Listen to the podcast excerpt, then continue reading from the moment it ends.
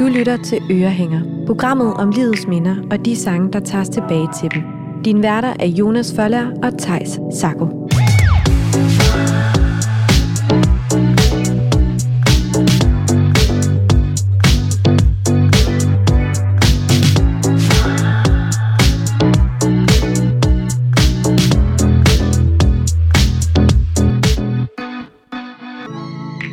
Velkommen til ugens afsnit af Ørehænger, programmet om livets minder og de sange, der tager tilbage til dem. Og som det jo altid er, så har vi en gæst med i dag. Det har vi nemlig. Og dagens gæst er på mange måder blevet en stemme for Danmarks Ungdom. Han brød igennem lydmuren med dokumentaren på DR3, flere forskellige dokumentarer, og blev herefter opslugt af ungdomsfiktionen. Han lavede serier som Centrum, Grænser og Nylon, og er lige nu aktuel med serien Salsa på P3. Velkommen til skaberen og instruktøren Jonas Risvig. Velkommen til dig, Jonas. Tak fordi jeg må komme. Det er en, øh, en kæmpe ære og fornøjelse, at du har lyst til at være med. Nå, hold op. Fortæl lidt minder. Og vi skal jo dykke ned i, uh, i tre minder i dagens afsnit. Vi skal mm. dykke ned i, i din ungdom, og sådan, hvordan du ligesom startede hele dit, dit filmmageri. Så skal vi uh, høre om, uh, da der ligesom var kommet lidt gang i karrieren, men at du ligesom også opdagede den her bagside af medaljen. Og så til sidst skal vi høre lidt om, når der virkelig kom hul igennem med den store succes, og hvordan du ligesom har, har taget din plads i Ja. branchen. Og Jonas, vi starter jo med, med ungdommen. Ja, Vi starter med, en forbandet ungdom. Den med forbandet ungdom. Ja. Hvor gammel var du på det her tidspunkt, cirka? Hvis vi bare skal sætte sådan en, en omkring alder. Jamen, der er jeg 18 år gammel og går i gymnasiet. Jeg vokset op i Silkeborg på sådan en, øhm, en øh, sådan en lille villavej, som ligner, hvad skal man sige, nogle af forstederne til København også, og ja, alle, alle provinsbyer i virkeligheden rundt omkring i Danmark. Meget langt fra det, jeg bor i i dag. I dag bor jeg midt på Ingehavplads. Så det er langt, det er langt hjemmefra på en måde. Der voksede jeg op med sådan 100 meter til skole, og sådan duft af asfalt, og, og virkelig meget sådan, nu springer bøgen ud stemning. Det var sådan årets højdepunkt, ikke? fordi så cyklede man sådan igennem de der kæmpe store bøgeskove ved Gudnåen, og så når bøgen sprang ud, var det sådan helt sygt, fordi så kunne man lave fester ind i skovene, og man kunne kysse ind i skovene, uden nogen så en, og man kunne sådan lave huler derinde. Altså det, skovene var, var stedet. Det var the shit. Det var det shit. Ja. Og så var der pisse langt op på gymnasiet også. Det lå ude på sådan en mark, et af Danmarks største gymnasier. Hvor langt var det til gymnasiet? Jamen, der var jo ikke... Altså, i København er der jo ikke langt, fordi det, der var jo tre kilometer eller sådan noget, men det her, det er jo på ond landevej og motortrafikvej, ikke? Med, med bilkæder og, og vaskerier og hvad skal man sige, tankstationer overalt omkring der, så, så det føltes langt i modvind hver dag. Øh, Jonas, hvordan, hvordan var du i gymnasiet? Jamen, jeg var meget, som jeg er nu. Jeg havde sådan øh, ret svært ved at koncentrere mig om andet, end at jeg gerne ville lave film. Og, øh, og brugte det meste af tiden på bagrækken på sådan at kigge, du ved, på de andre drenge og, og bruge øh, altid på at planlægge, hvad man skulle crack en joke på i frikvarteret, eller hvordan man kunne fuck undervisningen op i virkeligheden. Altså, Hvordan kunne man fuck den op? Jamen, det kunne man jo bare generelt ved ikke at lave en skid. Mm. Og hele tiden være, være modarbejdende, og bare være ham der, der glæder sig til weekenderne til at komme ud og filme musikvideoer, jeg ved ikke hvad. Og det er også noget, jeg fortryder mest i dag, at jeg var så meget en del af den kultur, bagrækkekulturen der. Men det lærte mig noget, det lærte mig noget omkring, øh, hvad skal man sige, at anskue tingene fra hjørnet. Jeg var ikke en del af undervisningen overhovedet. Jeg var slet ikke en del af, af det, der skete på gymnasiet. Altså, jeg sad sådan i hjørnet og glodede på de andre, og grinede af dem, der sådan prøvede at være initiativrige, eller grinede af dem, der meldte sig ind i festudvalget, og bla bla bla. Og det gjorde i hvert fald på den dårlige måde, at jeg også blev sådan super enspænder og mega egoistisk, og øh, super narcissist i de der år, føler jeg, når jeg kigger tilbage på det. Men Hvordan, det det, hvordan det? Jamen, fordi jeg, jeg gik kun op i, hvad der foregik op i mit hoved. Mm. Altså, hvis jeg var sådan, om græsk latin er ikke spændende, tysk er ikke vigtigt, engelsk er ikke fornuftigt, mediefag er, er ikke højt nok niveau, så var det ligesom mit, du ved, mit ord, der var loving for mig selv Mm. og for dem omkring mig. Så jeg inspirerede ingen mennesker omkring mig. Hvornår startede det her med, at du ligesom måske mere var sådan en spectator, end du var en del af tingene? Jeg står lige pludselig i 3.G øh, til en gymnasiefest, hvor jeg er dukket op sådan noget tre timer for sent, øh, fordi jeg ved været at filme. Og, og er i forvejen i sådan en periode, hvor jeg har meget, meget lidt, eller hvad skal man sige, meget små tanker omkring mit, øh, mit, mit øh, arbejde og min drømme. Men jeg går og siger hele tiden, at jeg ved, at jeg er den bedste. Jeg tror, der er mange unge, der med lavt selvværd i gymnasiet, der kan, der kan genkende. Øh, og jeg havde lige været til sådan et, et oplæg på øh, filmskolen, hvor jeg gerne ville gå, og droppe ud og gå derhen.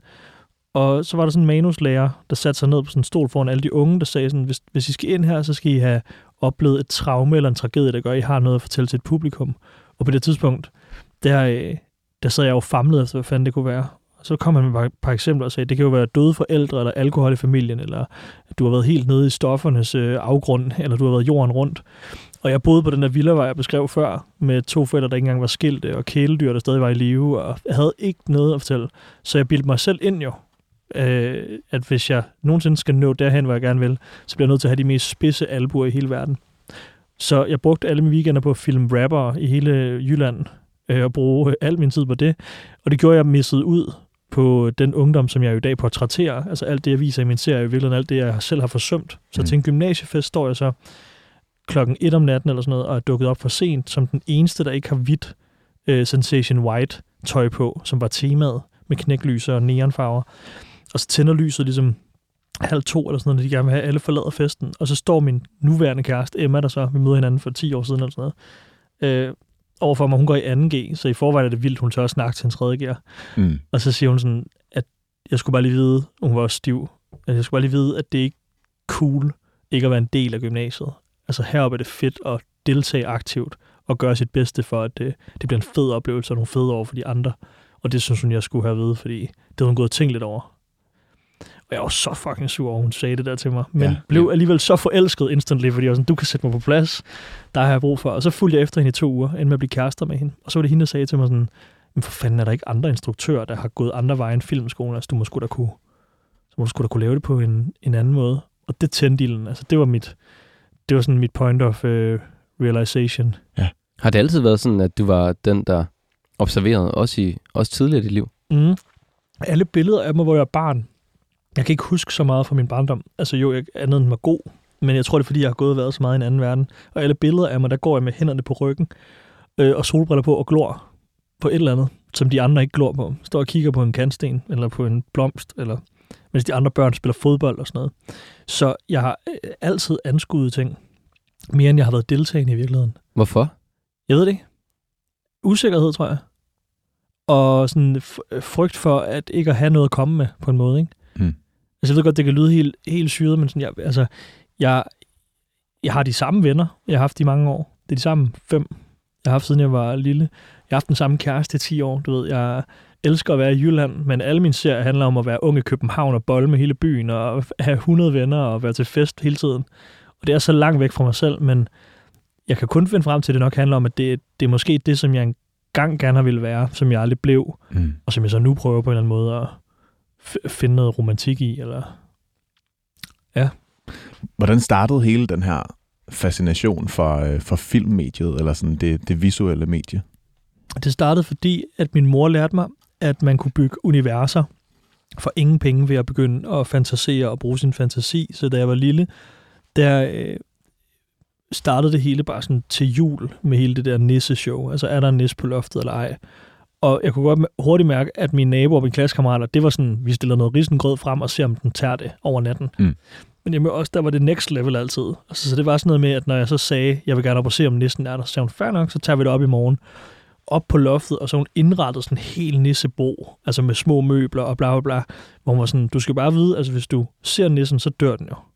Så du skal selv vælge nu, om du er en stor dreng, og, og går ned igen fra loftet, eller du vil sidde deroppe og prøve at finde den. Og jeg voksede bare op med, at alt, var, alt det her var virkeligt. Mm. Sådan, fuck. Skrev et brev til næsten, og var sådan undskyld for, at jeg overhovedet tvivlede på, at du fandt det, så jeg, jeg tror på dig nu. Og, og så fandt jeg en dag sådan en flaskepost nede i en sø, der ligger i Silkeborg, hvor jeg voksede op, hvor der var et brev. Jeg havde kastet flaskeposter ud til kaptajn Klo for Peter Pan i to år, tror jeg, hver dag med min mor, og skrevet breve.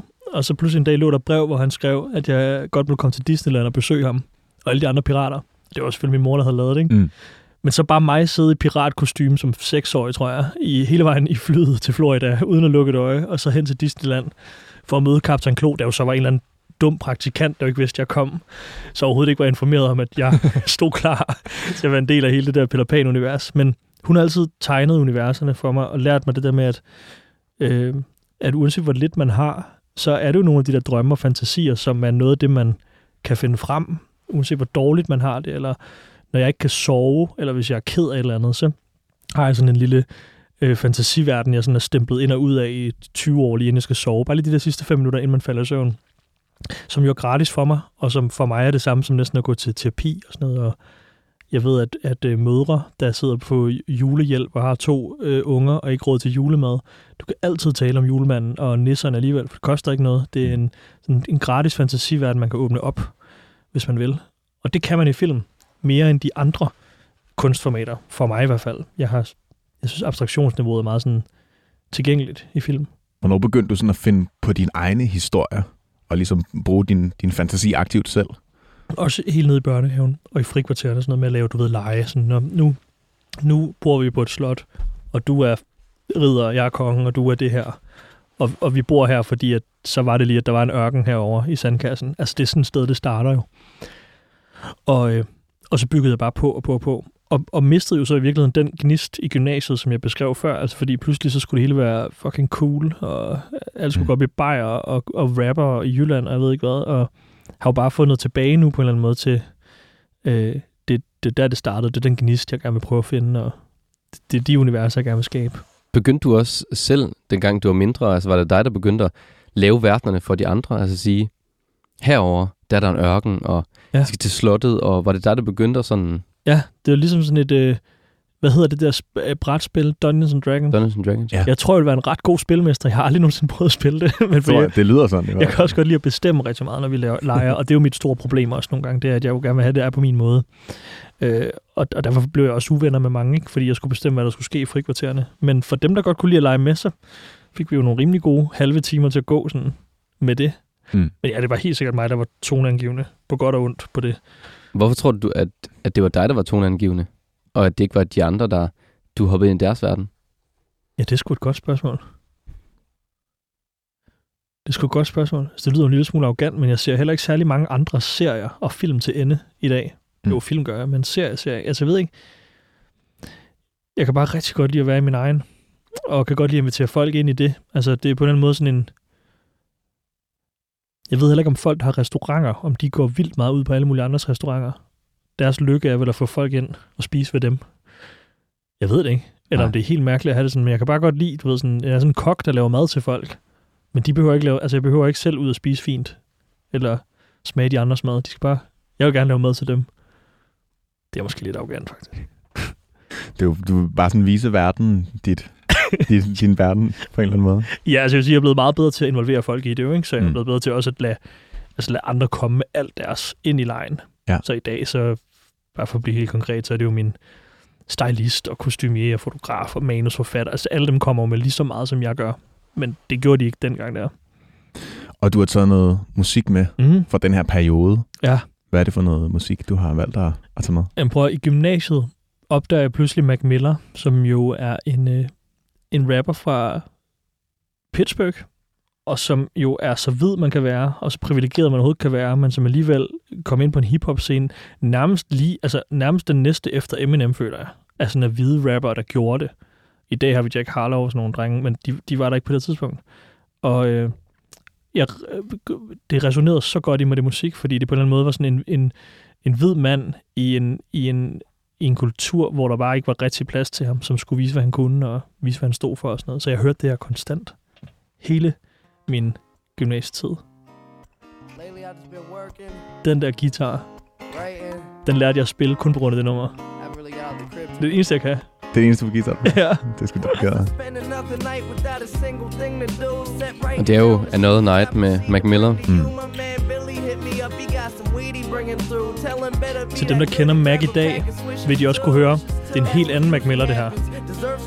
Det var dengang, han lavede mixtapes. Ja. Spillede ikke et instrument selv.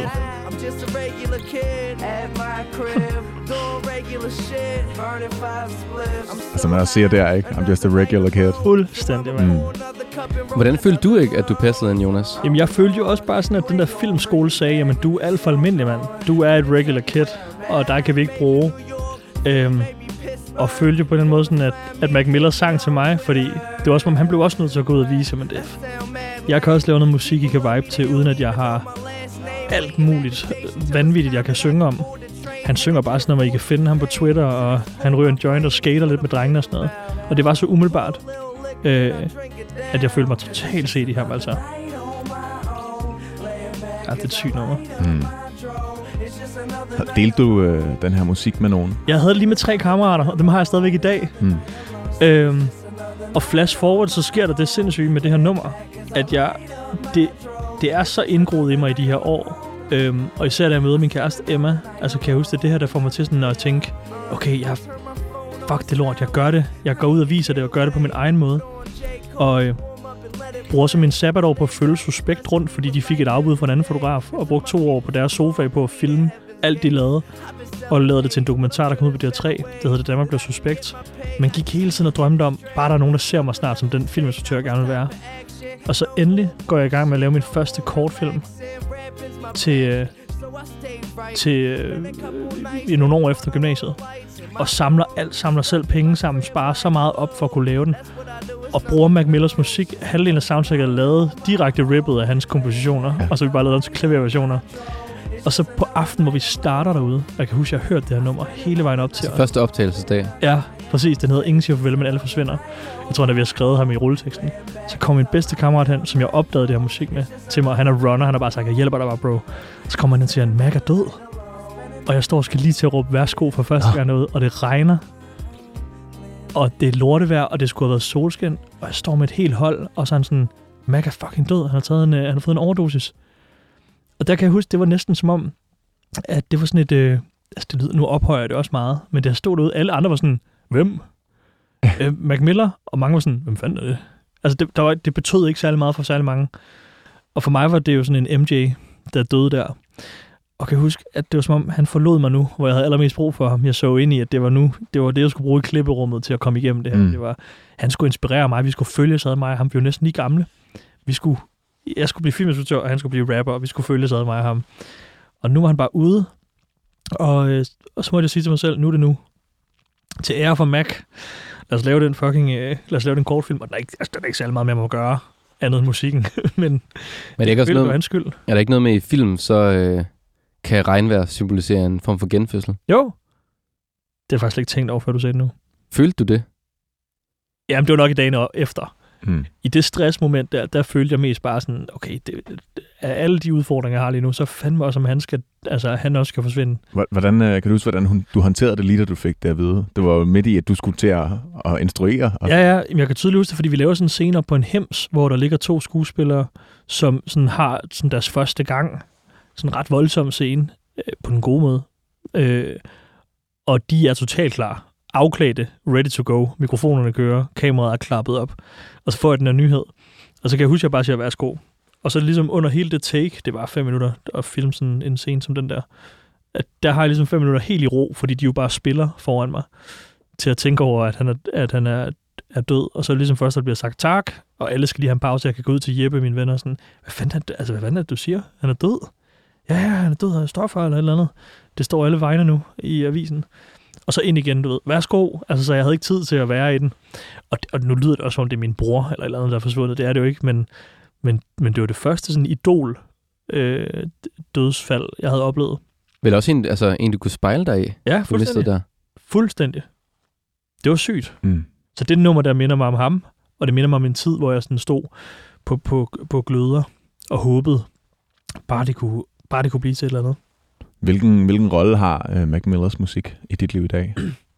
Det er det, jeg hører, hvis jeg, har, øh, hvis jeg mangler sådan et, et dybde og horisont. Altså et godt eksempel er, at jeg øh, hvad hedder det, har, har lige lanceret en ny serie, der hedder Salsa, som vi nok også skal snakke om lidt senere, til et af de andre numre. Men her i fredags kørte jeg hjem til mine forældre for at spise med dem i Silkeborg, og havde lige udgivet det sidste afsnit, og sådan lavet det sidste interview omkring det, og alle havde skrevet sådan, åh, fuck, hvor vildt, den er slut nu, serien. Altså, det var sådan et punktum og der er det helt sikkert Mac Millers album Circles, der kommer på til lige sådan noget rap, sådan forløb op. Mm. Og så sætter jeg min bil, og så sætter jeg bare på fra start til slut, og så er det som om, han tager mig lige igennem alle hans sådan refleksioner og tanker, og så kan jeg på en eller anden måde bare lytte til dem, i stedet for at sidde selv og, og tænke for meget igennem det hele. Så det er sådan en, har I det ikke også noget med noget musik, hvor I ved, sådan, den skal jeg høre altid op til jul, eller hver Mm. gang det er nytår, så skal jeg have det der nummer på. Det Eller bliver sådan en slags mantra, Ja. nogle gange man lige sådan skal fuldstændig. have det igennem systemet. Eller sådan, nu er det sommer, nu skal det der lige på. Gør det så, at du besti- øh, tænker på noget bestemt, eller tømmer det ligesom dit hoved? Det tømmer hovedet. Og så er det som om, at så kan jeg, øh, du ved, øh, øh, så er det som om, så kan jeg lære nogle, nogle, nogle tanker i det. I, I musikken, der på en måde bare sådan, øh, jeg ved det ikke, øh, minder mig om, at jeg har haft det sådan her før, tror jeg. Mm. Nå, du, du, det er ikke nye tanker, du ved. Når jeg hører det igen, så er jeg sådan, "Nå, sådan her sad jeg skulle også have det sidste, jeg hørte det album, eller sådan. Det giver mig på en eller anden måde sådan en, en rettesnor igennem mit liv, ikke? At, Ja, sådan, du bliver mindet om, at du er dig selv. og det ikke er så nyt og farligt, det hele. Jeg tror, det er sådan, man har det også nogle gange, hvis man, ja, hvis man genopdager noget, man har hørt i sit ungdom, og man er sådan, men jeg synes stadig, det er fedt, det her nummer. Hørte jeg Boulevard of Broken Dreams med Green Day. det er, hvad det er, det nummer. Klassiker. Men jeg voksede, jeg, var, jeg synes, det var så sygt, det nummer, dengang jeg var lille. Og når jeg hørte det i dag, så er jeg sådan, det kan jeg godt forstå, du synes var sygt. Jeg vil aldrig selv sætte det på i dag, men når jeg hørte det, det var fint, du synes, det var sygt. Jeg hørte også Numb Encore, kan jeg ikke huske det med Jay-Z og Linkin Mm. Park. Hvor jeg kan huske, jeg bare sådan hørte det, mens jeg stod på rulleskøjter, da jeg var barn. Og når jeg hørte det i dag, det var også virkelig et mærkeligt nummer. Men jeg, sådan, jeg anerkender, unge Jonas, selvfølgelig synes du, det var et fedt nummer. Det giver på en eller anden måde sådan en reminisce-følelse af, at man, man bekræfter sig selv i, de, dine følelser, de er real, altså de er ægte. Ja, det er sådan en skrabbog på en eller anden måde. Fuldstændig. Men det er også sådan, at du så husker, hvem du egentlig er. Er det sådan en... Det tror jeg da. Altså, altså tror jeg da bare, det er blandet med, at man er ung, og man jo fandme ikke rigtig ved, hvad man er. Men jeg bilder mig da ind, at hvis jeg bliver ved med at høre det her album igen og igen, så tror jeg da, jeg kan gå tilbage og finde de punktummer Mm. i mit liv. Ikke? Jeg er da også sikker på, at jeg skal høre det den dag, du ved, at jeg øh, er blevet far og skal køre hjem fra hospitalet, sikkert mens min, mit barn og min, min kone ligger op på sygehuset, og man skal hente en task med noget tøj eller noget. Der tror jeg også, det er det album, jeg sætter på. Det Mm. bliver sådan et nyt punktum. Så er han sådan en, en evig følgesvend. Ja, på en måde. Ja. På en måde. Jonas, nu skal vi jo øh, lidt videre i dit liv. Ja. Vi skal til dit andet minde. Ja. Og hvor var du henne her i dit liv? Jamen, jeg har lavet en masse serier efter den kortfilm, vi talte om før, og har virkelig hygget mig med det. Det hele startede under corona, hvor øh, alle kalendere bare blev ryddet, så man kunne hyre alle folk ind rimelig billigt, fordi folk jo bare kedede sig. Og så begyndte jeg at lave den serie, der hed Centrum, og så kom den serie, der hed Flokken, kom Grænser, kom Er du på, Stikker, Nylon, og nu Salsa.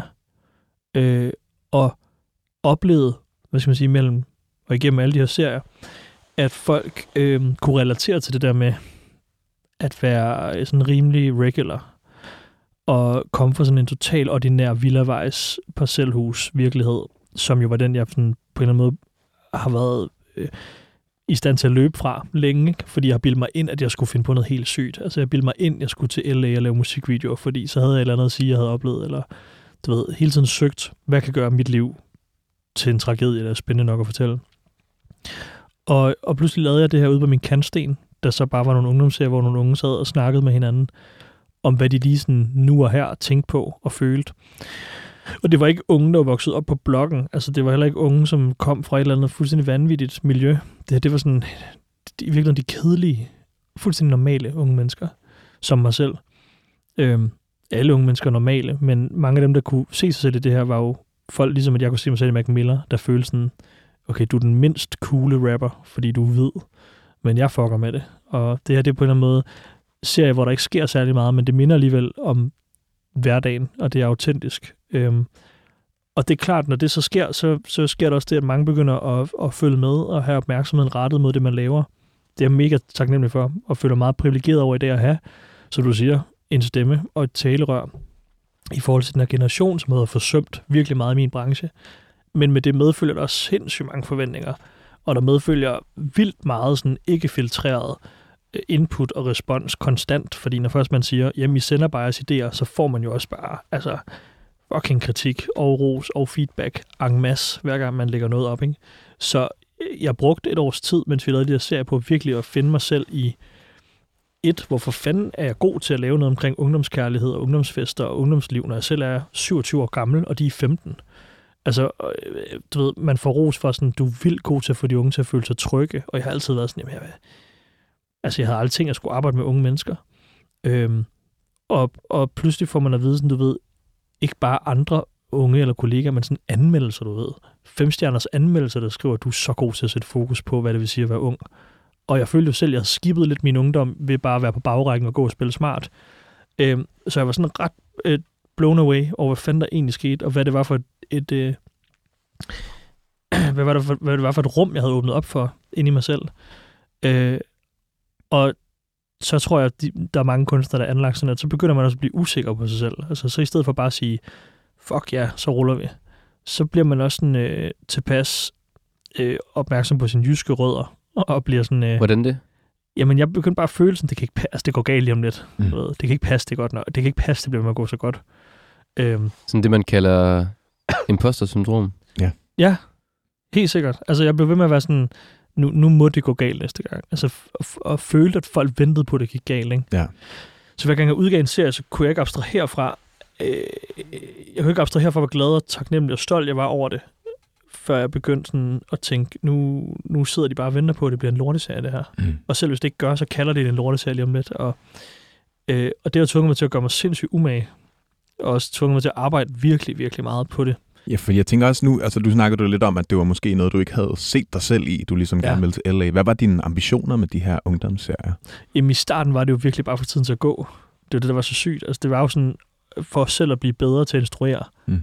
Og, og så følte jeg pludselig, at det er som om, det er som om, at du er, øh, øh, hvad hedder det, Robert Skov, der røg til FCK, øh, er vokset op på en villavej lige ved siden af mig, kommer fra Silkeborg også, og øh, en vanvittigt dygtig fodboldspiller, og blev så taget fra Silkeborg til FCK, øh, og blev så topscorer i Superligaen det år jeg føler, at vi har haft lidt den, den samme rejse på den måde, at normalt, når du bliver rykket op på et Superliga-hold, så får du lov til at sådan, træne med, og det er en legeplads, og vi kan lige se, hvad der sker, og så kigger vi på dem på år.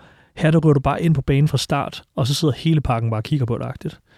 Mens du selv er sådan, jeg skal lige finde ud af, hvad jeg skal, og jeg er stadig kun 18 år gammel, og, og pludselig ender du med at blive topscorer i Superligaen det år, og ellers sådan, fuck, så er du den, jo, så er du den bedste fodboldspiller lige nu i Danmark, du er den, der scorer flest basser, ikke?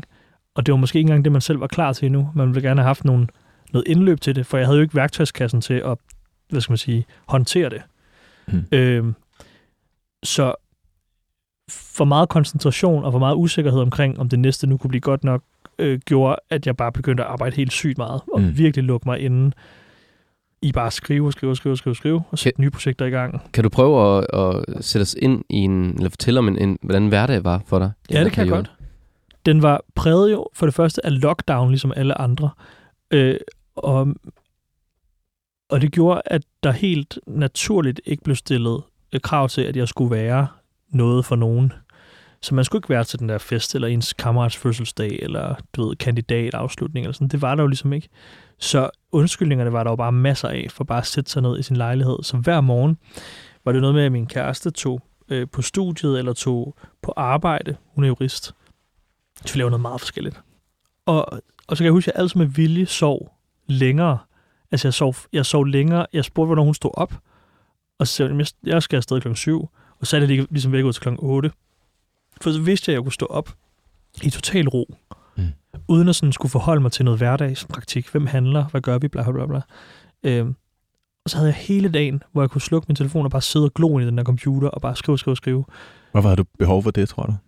Fordi jeg troede, jeg, fordi jeg vidste, øh, det jeg laver lige nu, bliver bedømt øh, af en hel masse mennesker, men jeg har, ikke, jeg har ikke brugt de der 10.000 timer endnu, som man altid siger, folk skal, for at blive god.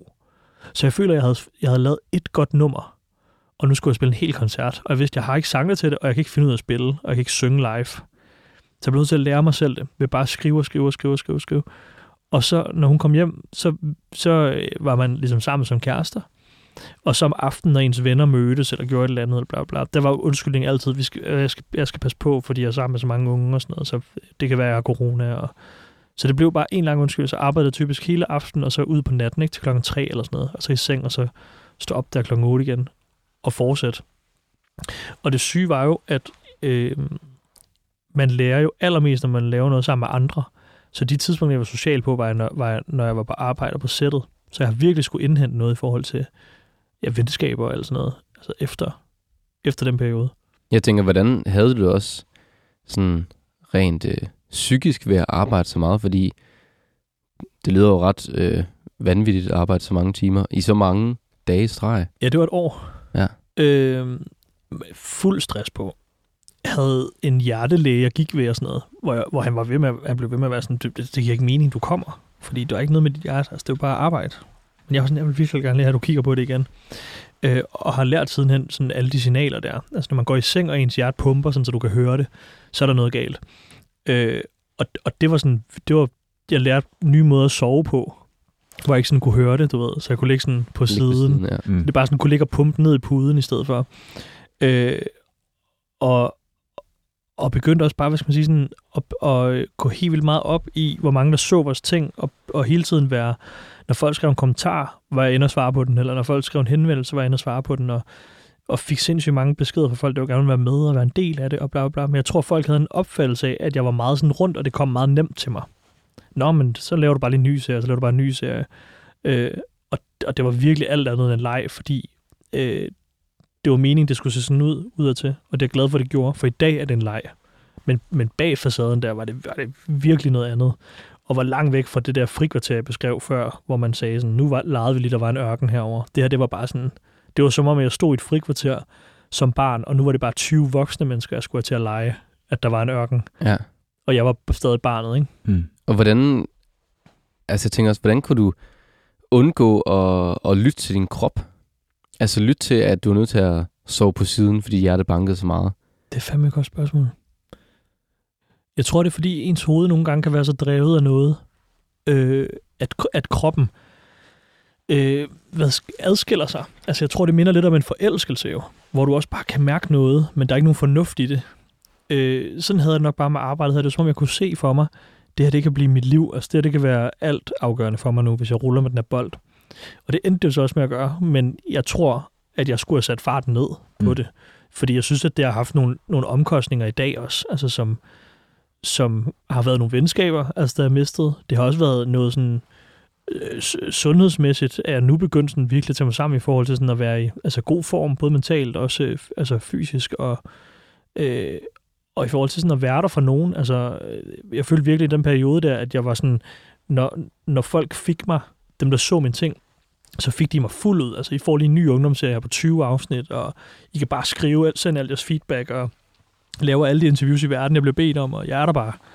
Og så lige snart jeg var sammen med min kæreste og min familie, så var jeg bare sådan en træt, tømmermandsramt version Mm. af mig selv. Og så gik det op for mig på et tidspunkt sådan, hvornår fanden har min familie egentlig sidst fået ham der, som de unge føler, de får? Altså, hvornår, hvornår får de nogensinde ham? Og det skulle da ikke ham, som...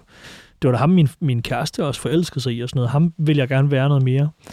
Øhm, og, og så, så, så begyndte jeg ligesom aktivt at gøre noget ved det. Man havde sindssygt svært ved at omstille det. Mm. Og ender så, hvad skal man sige, her sidste efterår på en, øh, en kæmpe stor produktion, jeg faktisk har gået og drømt om i mange år, på en serie, der hedder Drenge, øh, som jeg har gået og skrevet også, før jeg fik lov til at lave fiktion, hvor jeg bare vidste, at jeg ville gerne lave noget med en drengeflok hjemme i min hjemby. Jeg gad godt lave noget om den der bagrække der. Ja.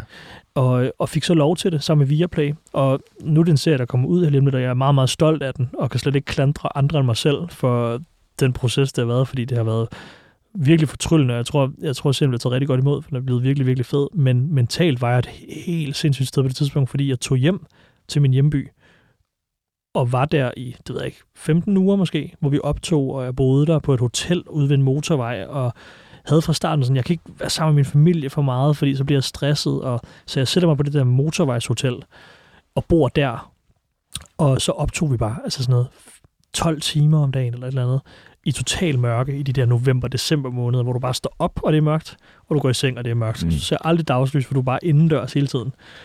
Øh, og, og der var virkelig mange gange i den proces, hvor jeg kunne mærke sådan, nu, nu er det så kæmpestort, det her cirkus her, at den leg, øh, jeg leger i frikvarteret, nu er det bare hele fucking skolen, og det er også Mm. de omkringliggende skoler, der skal være med nu, og jeg kan ikke, jeg kan ikke rigtig forklare lejen, altså længere til folk.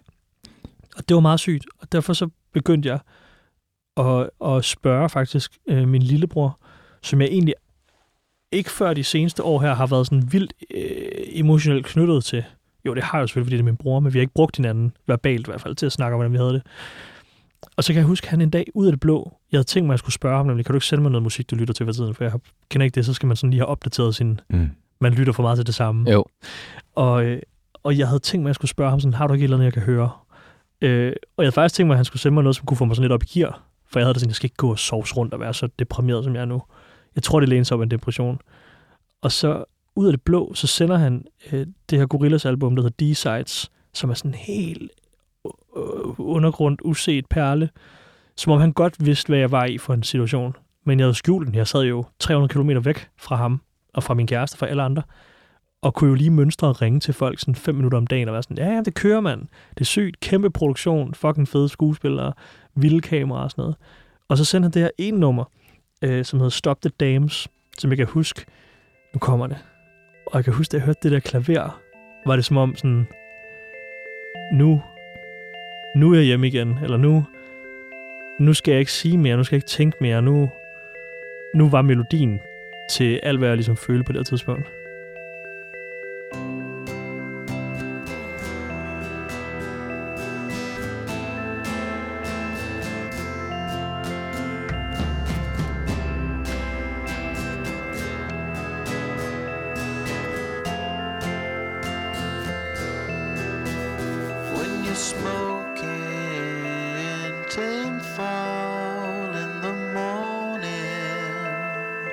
Føler du lige nu, når du hører den her sang? Jamen, det er bare way, det er helt tilbage på et hotelværelse på Scandic, med gardinerne rullet for klokken 3 om eftermiddagen, hvor man burde få det sidste vinterlys ind. Øhm, hvor jeg kan huske, at jeg følte, at mig og Damon, der synger her, vi havde hinanden. Det var som om, han var det var som om, han havde taget over for Mac Miller på en eller anden måde for mig, og kom og, og øh, satte noget musik på en vild følelse af at føle sig heldig, glad, stolt, privilegeret. De der trommer og horn, der ligger i det nummer, det er som om sådan, det er, det er en fanfare, som man jo typisk bruger, når der er noget, der er godt, eller noget, der skal fejres. Men det er så melankolsk, fordi at man ikke helt tør at være i stemningen. Øhm, og jeg havde ikke brug for sådan noget give op musik. Jeg havde brug for en, der sådan kunne synge mig op om morgenen. Jeg kan bare huske det, det blev nummeret, der kom på, hver gang jeg gik i bad hver morgen. Ikke? Man stod der helt træt, halv seks om morgenen i en bruser. Så var det det her nummer, jeg vidste, når det var over, så skulle jeg ligesom ud af døren. Så jeg havde cirka det her nummer til sådan at gøre mig klar og lige sætte mig ud i bilen. Og det fik mig til at klare den igennem, altså at køre de der uger og få lavet en serie, jeg er stolt af i dag. Og Fordi Jonas, jeg tænker også, at det må være svært at stå med så stor en produktion, ja, øh, når man kommer fra noget, man selv har kunnet styre, og så opdage, at man egentlig ikke har det særlig ja. godt. Og at du er den yngste næsten på sættet, ikke? Jeg var 27, og havde jo voksne mennesker alle vejen omkring mig. Og et kæmpe budget og planer, der skulle hænge sammen. Og du stepper ikke ud. Altså, du, du bliver betalt for at stå der hver dag, ikke? Meget atletisk job på den måde, at du, er, du går ind og spiller den kamp, det nu kræver. Og øh, havde mange gange på sættet også øh, en Airpod i øret, hvor jeg satte det her nummer på. Kan jeg huske også, når jeg sad instrueret, når jeg sad og så scenen blive spillet, og hvis jeg var i tvivl om sådan, er det helt fuck det, eller er det godt nok, så det der nummer på. Og, og kan jeg også huske, jeg, jeg hørte ikke særlig meget, øh, jeg hørte ikke særlig meget andet i den her periode. Øh, et fun fact er, hvis man lytter til øh, outroen på Grænser, vores øh, YouTube-serie, som vi klippede samtidig med, at jeg sad på det her sæt, det skal lige tilføjes, mens vi producerede, så sad jeg og klippede om aftenen.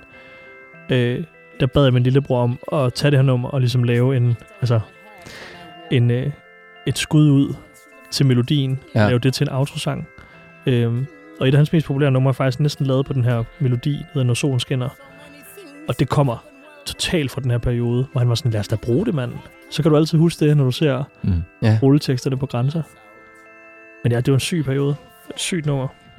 Det lyder også, for alle de her ting, du fortæller, som om, at du i den her periode havde et stort behov for at være noget for andre. Ja. Du skulle ligesom levere på arbejdet, du skulle lave serier, være åben for alle mulige unge, du Ja. skulle være en god kæreste, en god familie. Ja.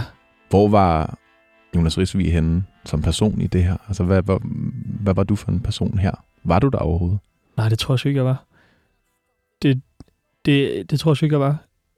Jeg kan kun se for mig selv, altså jeg kan kun se øh, mig selv sidde på det der øh, mærkelige hotelværelse. Det var som om, det var der, man kunne finde mig. Og der var jo ikke nogen, altså jeg ved godt, det lyder helt, helt underligt, men der var ikke nogen på det der hotelværelse, hvor jeg boede i de der mange, mange uger. Altså der var ikke nogen, der kom der ind. Der var kun en rengøring, når jeg ikke var hjemme. Ellers var det sådan, det var mit lokale. Det var som om, det var mit øh, mit hoved, der var derinde. Og, øh, og, og kan huske, at jeg begyndte sådan, jeg spillede meget hockey, da jeg var ung. Og i den her periode, jeg drømte bare om ishockey hver eneste nat og sådan noget. Jeg drømte bare om at spille hockey igen, og jeg var ude og købe dyre skøjter og to hockeystave. Jeg var ude og skøjte én gang, fordi jeg bare jeg skulle, jeg skulle finde tilbage til noget, der gjorde mig tryg, tror jeg. Øh, så jeg tror også, det har været en af de vigtigste efterår, eller det vigtigste efterår måske i mit liv, fordi at det var som om, sådan, nu lukker jeg mig inden her, nu går jeg i kloster. Mm. Og når jeg kommer ud igen, så, så har jeg måske fundet mig selv.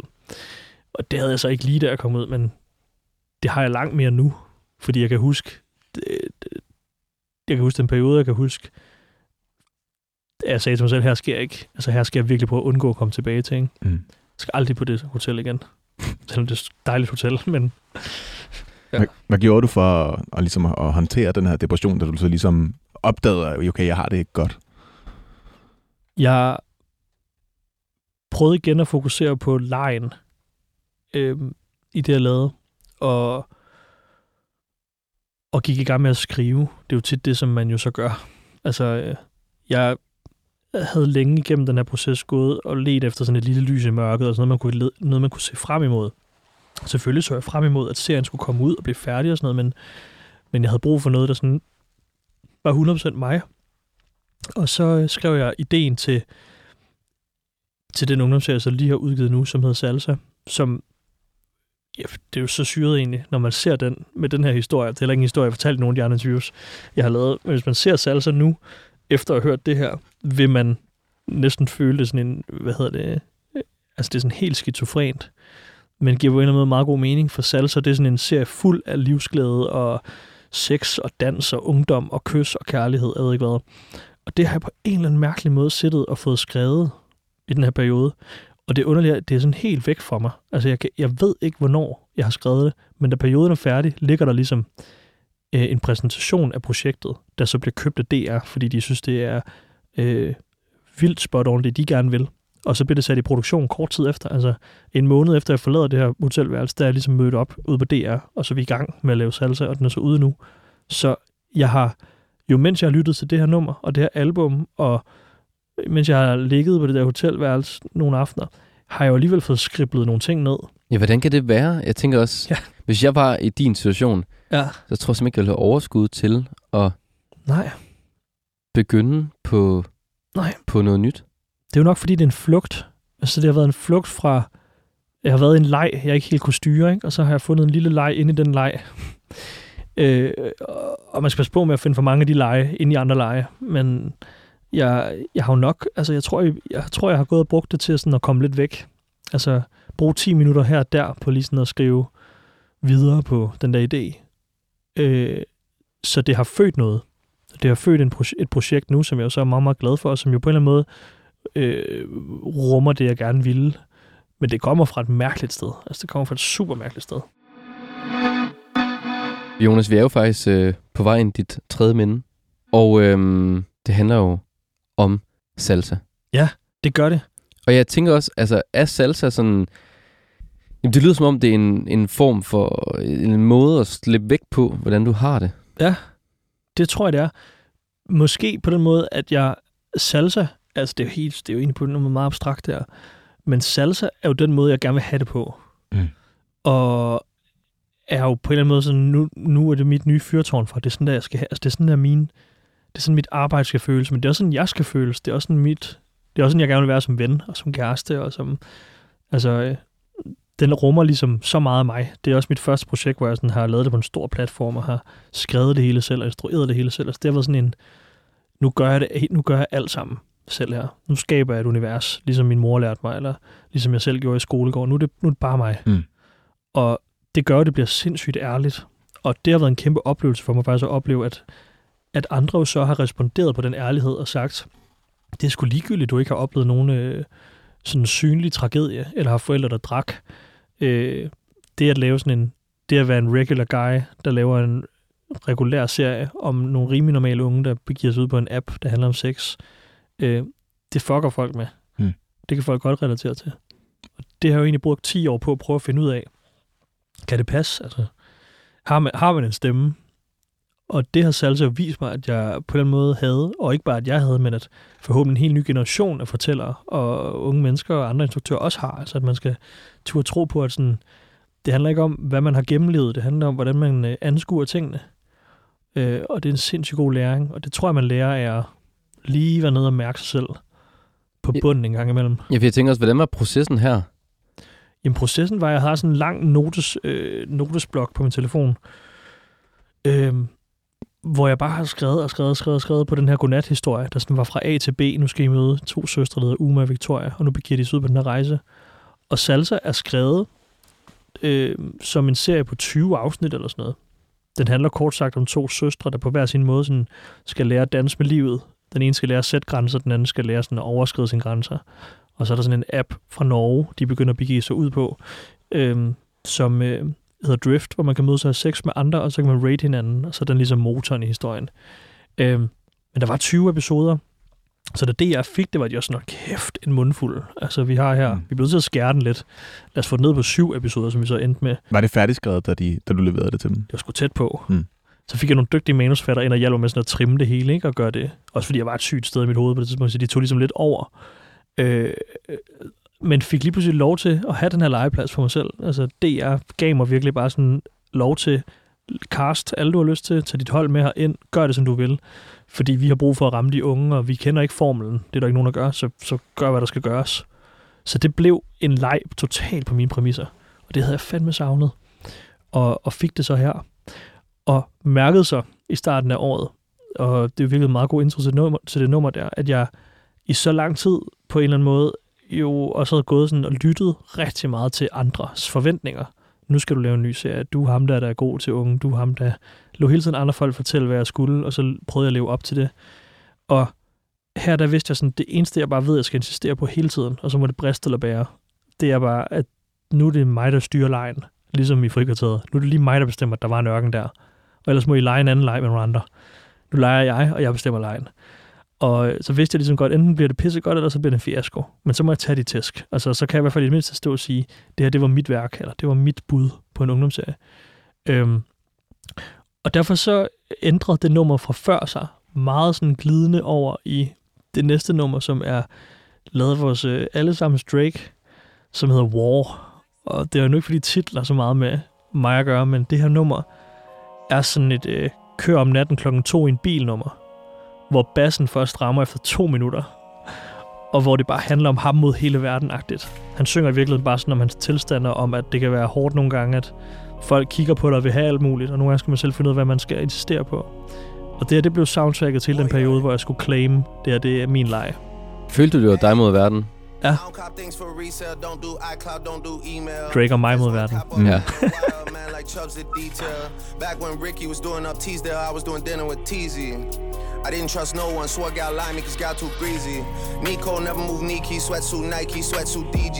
If man get beaky, ring ring, call up Gigi, do him up neatly. Used to look up to a man from certain ends with tune on repeat. Det havde sådan en afslappethed over sig, hvor jeg vidste sådan, det er den vibe, jeg skal møde ind med.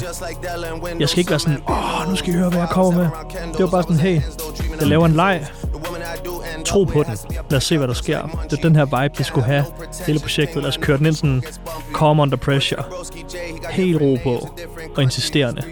Var det ikke svært at sætte foden ned?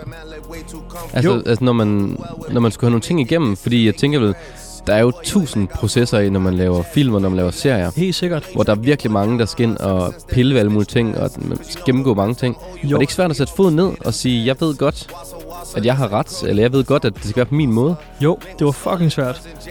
Men jeg blev bare ved med det nu, fordi jeg vidste, hvordan jeg lige havde haft det, og var så bange for at ende i det hul igen. Så hver gang folk sagde, vi må hellere lige få nogle flere muligheder for, hvordan plakaten kan se ud, så jeg, nej, det er sådan her, den plakat fucking skal se ud, for jeg ved, de unge synes, det er fedt. Og hvis ikke I tror på det, så lad mig spørge ud på min Instagram og lad dem rate, hvad de synes, der er fedest. Og jeg gjorde det selvfølgelig med god ro i maven og var høflig og sådan noget, mens Ja, ja. men, men før i tiden ville jeg have været sådan, okay, helt sikkert, jo jo, lad os finde på noget andet. Så jeg var sådan, ved du hvad, jeg har en følelse af, at de unge gerne vil have, at det er Artie Artie, der synger på den her festscene nu. Hvem har det andet bud? Og så var der nogen, ja, men det kunne også være det og det og det. Ja, men så tager vi mit bud. For ja, det kunne være alt muligt, men nu er det mig, der har den. Og sådan har jeg ikke lyst til at arbejde hele mit liv. Så jeg vil jo meget gerne øh, have inputs fra alle mulige, og har også fået det på salsa fra mange dygtige folk, men jeg, jeg havde brug for at bevise over for mig selv, at jeg kunne måske lige give den 20% for meget på insisteren på mit eget arbejde her.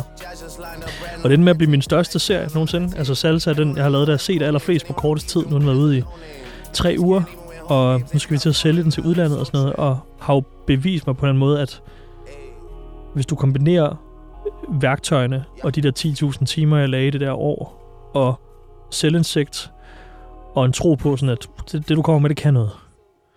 Øh, så er der altid smagsager og sådan noget, men det du kommer med, det kan noget. Det, det plejer at skabe de mest autentiske og ærlige fortællinger, og det var det, som Salsa ligesom blev. Jonas, jeg tænker også, du er 28 i dag, Ja. og har lavet hvor mange serier? Ni. Ni serier, og kortfilm og dokumentar også. Ja. Altså, det er jo også meget, når man lige sådan sætter det op på den måde. Det er det. Så det må også have været forløsende, og så finde din vej her, og, og føle, at, at nu kan jeg godt. Ja, det har det også været. Men det lyder jo lidt som om, at du også har, jeg skulle ligge vejen, anlægge vejen, mens du kørte på den, ikke? Jo. Jo, og på en eller anden måde, sådan, mens folk de øh, jo alle sammen kiggede på. Jeg gad jo godt, altså, jeg synes jo, det man jo får ved at gå på en filmskole, nu er jeg jo autodidakt og selvudlært. Øh, på en filmskole får man jo lov til at lave 100 opgaver, som ingen skal se, men som dine klassekammerater bare skal hjælpe dig med at gøre bedre. Og det der med, at det tæller 100% hver gang her, er jo også bare en, øh, altså en, et vildt tag at arbejde under. Men jo også noget af det, som giver blod på tanden, og som jo også har gjort, at jeg i hvert fald har i, har i sinde at blive ved med at gøre mig meget umage med ikke at spille folks tid. Men altså, det er en rejse. Mm. Men hvor den på en eller anden måde har taget den store tur ned, føler jeg, på, på hotelværelset og så op igen, til Ja. så at komme ud og danse med den her serie, som jo sparker sommeren i gang for mange unge. Ja, hvor meget fylder uh, imposter syndrome, som du sagde, du følte meget på et tidspunkt, hvor meget fylder det i dag? Ikke lige så meget. Nu, nu føler jeg godt, at jeg kan hvile i sådan, at... Øh, jeg ved det ikke. Jeg kan godt hvile i nu, du ved, at jeg... Øh, nu, nu, nu ser jeg, hvad der sker. Nu tør jeg godt tage nogle chancer, fordi nu har jeg på en eller anden måde fået lov til at bevise, hvad der så var mig. Og, og det er jo også en hudløst ærlig at sige, at salsa, det er 100% mig som instruktør og som menneske. Øhm, så kan folk også vurdere det nu. Hvor før i tiden, det var lidt sådan, hvis folk ikke kunne lide det, Nå, men det var heller ikke mig, der skrev det, eller Nå, men det var heller ikke mig, der bestemte, det skulle være sådan, eller det var ikke kun mit valg. Det her, det er 100% mit valg. Men det gør på den måde også, at jeg nu godt tør at tage en kæmpe chance med noget andet. Og sige, nu laver jeg noget helt andet, jeg synes er fedt, eller noget. For nu har jeg vist folk, hvem jeg var. Det har jeg fået lov til. Øh, så, så forhåbentlig står det tydeligere for folk også, om de synes, mit, mine projekter er noget, der er værd at bruge tid på. Mm. Ellers så kan man jo bare se nogle andres. Sådan føler jeg det, det. Nu føler jeg, at retten er serveret, endelig. Hvis du sådan skulle give et råd til Jonas Risvig, 18 år, Ja. Lad være med at, øh, at øh, ikke ville noget. Det er totalt okay at ville lige præcis, hvad man har lyst til i sit liv, når som helst. Men man må ikke ville ingenting, fordi det udvikler ikke en. Og jeg brugte tre år i gymnasiet på ikke at ville noget. Altså at sidde på bagrækken og modarbejde ting. Og den, den tid, den skulle jeg med have brugt på bare lige at tage måske 1000 af de timer, jeg brugte et år på at tage 10.000 af. Så havde jeg haft et bedre år, jeg også haft det bedre i dag, hvis jeg dengang lige havde sådan læst lidt, skrevet bare lidt. Skriv en, for, skriv en lille kortfilm. hmm. Hvis jeg bare havde startet lidt tidligere på noget af det der, så havde jeg ikke skulle løbe mig selv øh, ihjel. Det, den tjeneste kunne jeg godt have gjort over for den 28-årige Jonas. Det var det sidste, vi nåede der, Jonas. det var det, ja. Tusind tak, fordi du havde lyst til at fortælle om dit liv. Tak fordi jeg måtte. Mit navn det er Jonas Forlager, Og mit navn er Thijs Sacco. og tusind tak, fordi du lyttede til dagens afsnit. Hvis du vil have mere ørehænger, kan du finde vores andre programmer der, hvor du finder din podcast eller inde i 24 7's app.